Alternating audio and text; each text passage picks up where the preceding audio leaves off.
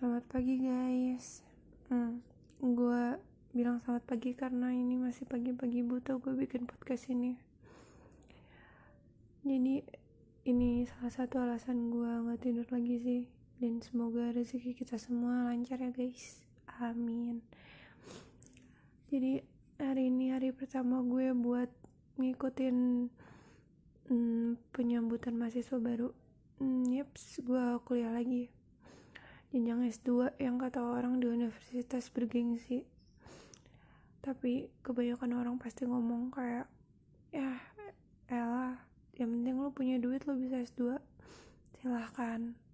Kalau asumsi kalian memang selalu seperti itu. Tapi gue yakin gak semua orang mikir kayak gitu. Gue cuma mau sharing aja. Teman-teman gue tuh pada kaget waktu pas tahu gue bisa ngelanjutin sekolah. Yeps gue anak ITB yang kata orang institut tidak bobo. Nggak tahu sih gue anak baru jadi nggak tahu apa-apa. Sedikit cerita aja. Sebenarnya di univ mana pun asal kalian niat mungkin pasti masuk sih. Jadi mungkin gue bukan anak pinter banget jenius banget. Tapi alhamdulillah sejauh ini perjalanan pendidikan gue atau hal-hal yang baik itu ya tercapai gitu. Gue cuman mau sharing aja sih nggak semua hal yang baik itu harus selalu perfect gitu. Dari dulu gue nggak pernah ranking satu dua tiga. Gue selalu masuk 10 besar ataupun gue juga pernah ranking 30-an dulu waktu sekolah tapi yang selalu gue jalanin itu yakin aja gitu. Gue selalu yakin kalau nasib itu nggak harus terjadi sama orang pintar. Nasib baik semua orang itu berhak ngedapetin hal yang baik apa yang dicita-citain gitu. Makanya jangan heran kalau ada yang ngomong lo pintar tapi kalau nggak ini? Lo bodoh tapi kalau ini? Gitu.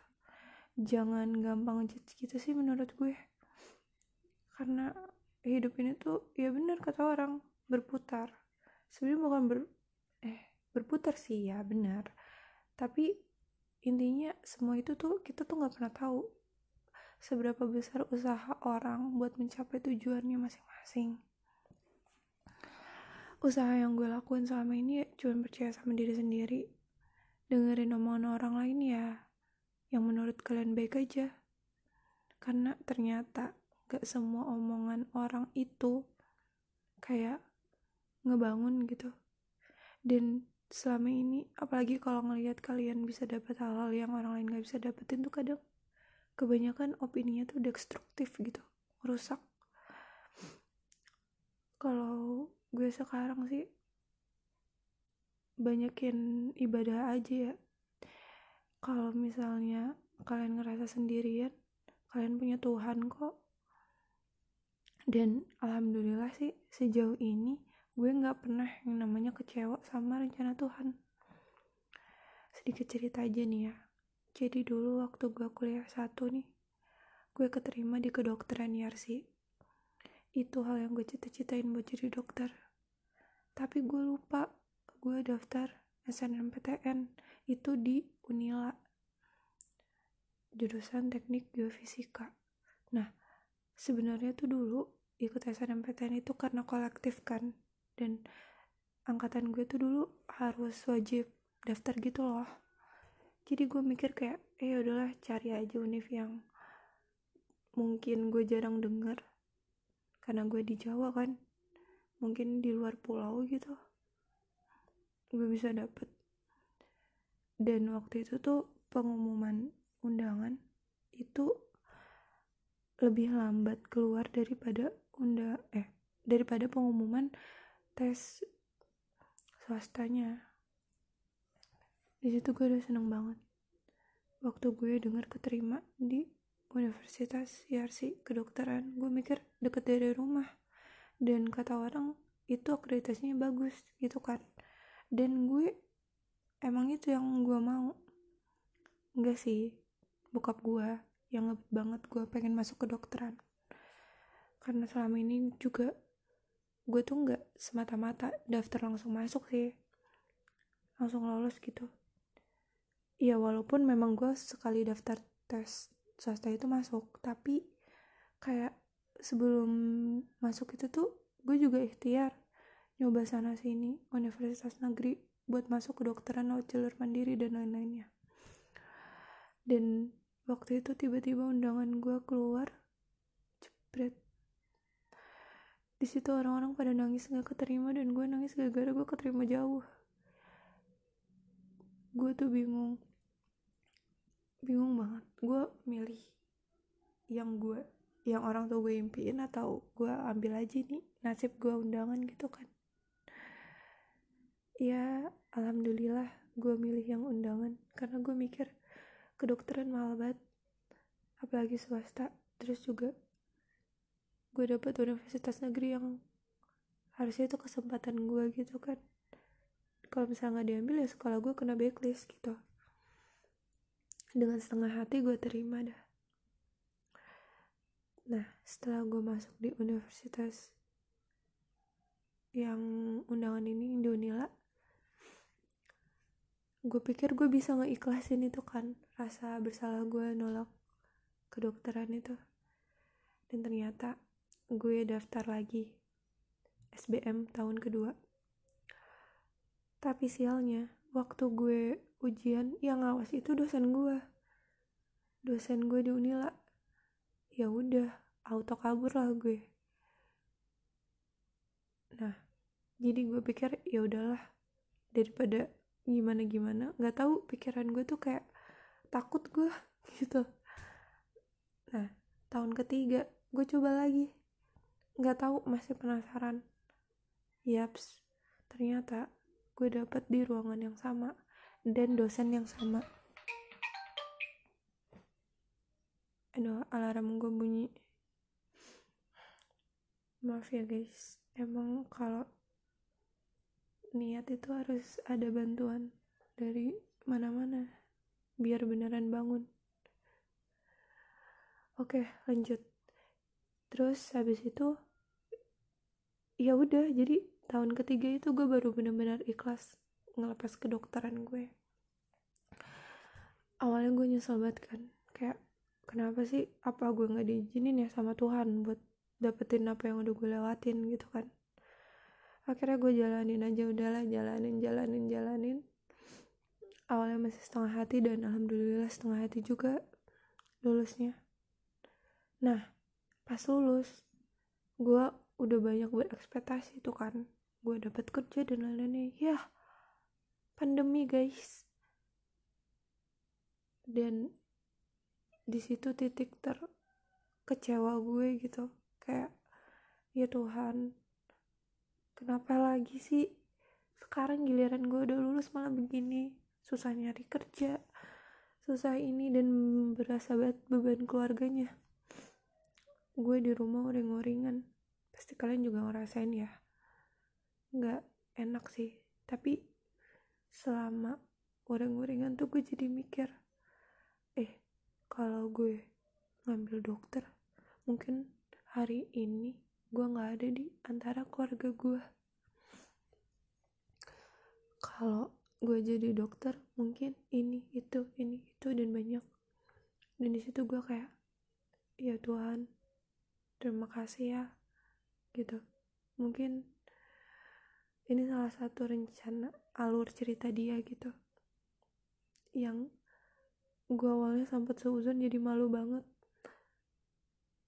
Tapi ya namanya manusia ya di saat pandemi ini mungkin gue untuk hal tentang nyesal kedokteran itu udah clear udah termaafkan lah oleh diri gue sendiri. Tapi penyesalan gue kenapa kena pandemi gue jadi susah kerja gue jadi kayak gimana ya? Dan hal-hal yang akhirnya gue lakukan itu cuma tidur seharian tidur. Kayak nggak ada harapan hidup. Kayak bingung gitu mau ngapain? Nggak enak juga sama keluarga di rumah. Ya walaupun orang tua gue sih nggak pernah nuntut harus dapet hari itu juga sih. Cuman ya kadang tuh ditanya gitu belum lagi omongan gak ada akhlak dari lingkungan sekitar kan? Kamu udah lulus. Eh kok belum kerja. Mbak ini udah kerja loh. Uh, mbak ini ini loh. Mas ini ini loh. Gitu. Apalagi kalau kumpul keluarga. Ah udah lulus ya. Alhamdulillah udah siap dilamar. Ya Tuhan jangan kan gue mikirin untuk dilamar orang gue aja bingung ini gue mau ngapain gitu. Gue pengen hal yang selama ini gue perjuangin kayak belajar gitu bisa ter apa ya bisa terpakai gitu. Dan akhirnya mungkin kayak gue mikir hidup gue tidak berguna dan mungkin nyokap gue ngelihat gue menyedihkan kali ya. Adalah inisiatif datang karena tante gue tuh tinggal di Kalijati daerah Kalijati gitu. Tapi agak bukan kota sih. Di situ tiba-tiba bokap gue sama nyokap gue nyuruh gue cobalah ikut tantemu gitu. Ya daripada ngeliat gue uring-uringan kan gak jelas. Akhirnya gue mikir ini gue diusir apa ya? Karena tempat tante gue ini begitu gitu. Katanya gue disuruh bantu ngajar ngajar anak sekolah buat persiapan SD gitu buat bisa baca tulis gitu kan. Nah ya udah akhirnya karena gue mikir daripada gue jadi beban tapi gue tuh kayak masih setengah hati juga ih kenapa ya gue ngelakuin hal itu setengah hati tapi ya udahlah ya gue jalanin aja. Akhirnya gue jalanin lah gue dikirim lah ke sana. Hari pertama kedua gue nangis terus. Yang pertama nggak ada sinyal sama sekali. Yang kedua gue tuh nggak bisa semena-mena gue lapar gue makan. Ke mana-mana jauh. Ya. Dan mungkin bokap gue gimana ya tahulah perasaan gue akhirnya dia bilang kamu betah-betah ya di situ katanya gitu. Kenapa? Iya anggap aja simulasi kehidupan nyata gitu. Karena nggak selamanya orang itu nggak susah gitu.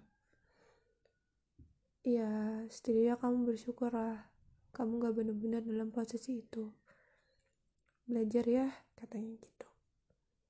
Ya gue jadi mikir ya tuh simulasi aja begini apalagi nyatanya. Gue bukannya takut sih cuman jadi lebih bersyukur aja akhir-akhir ini.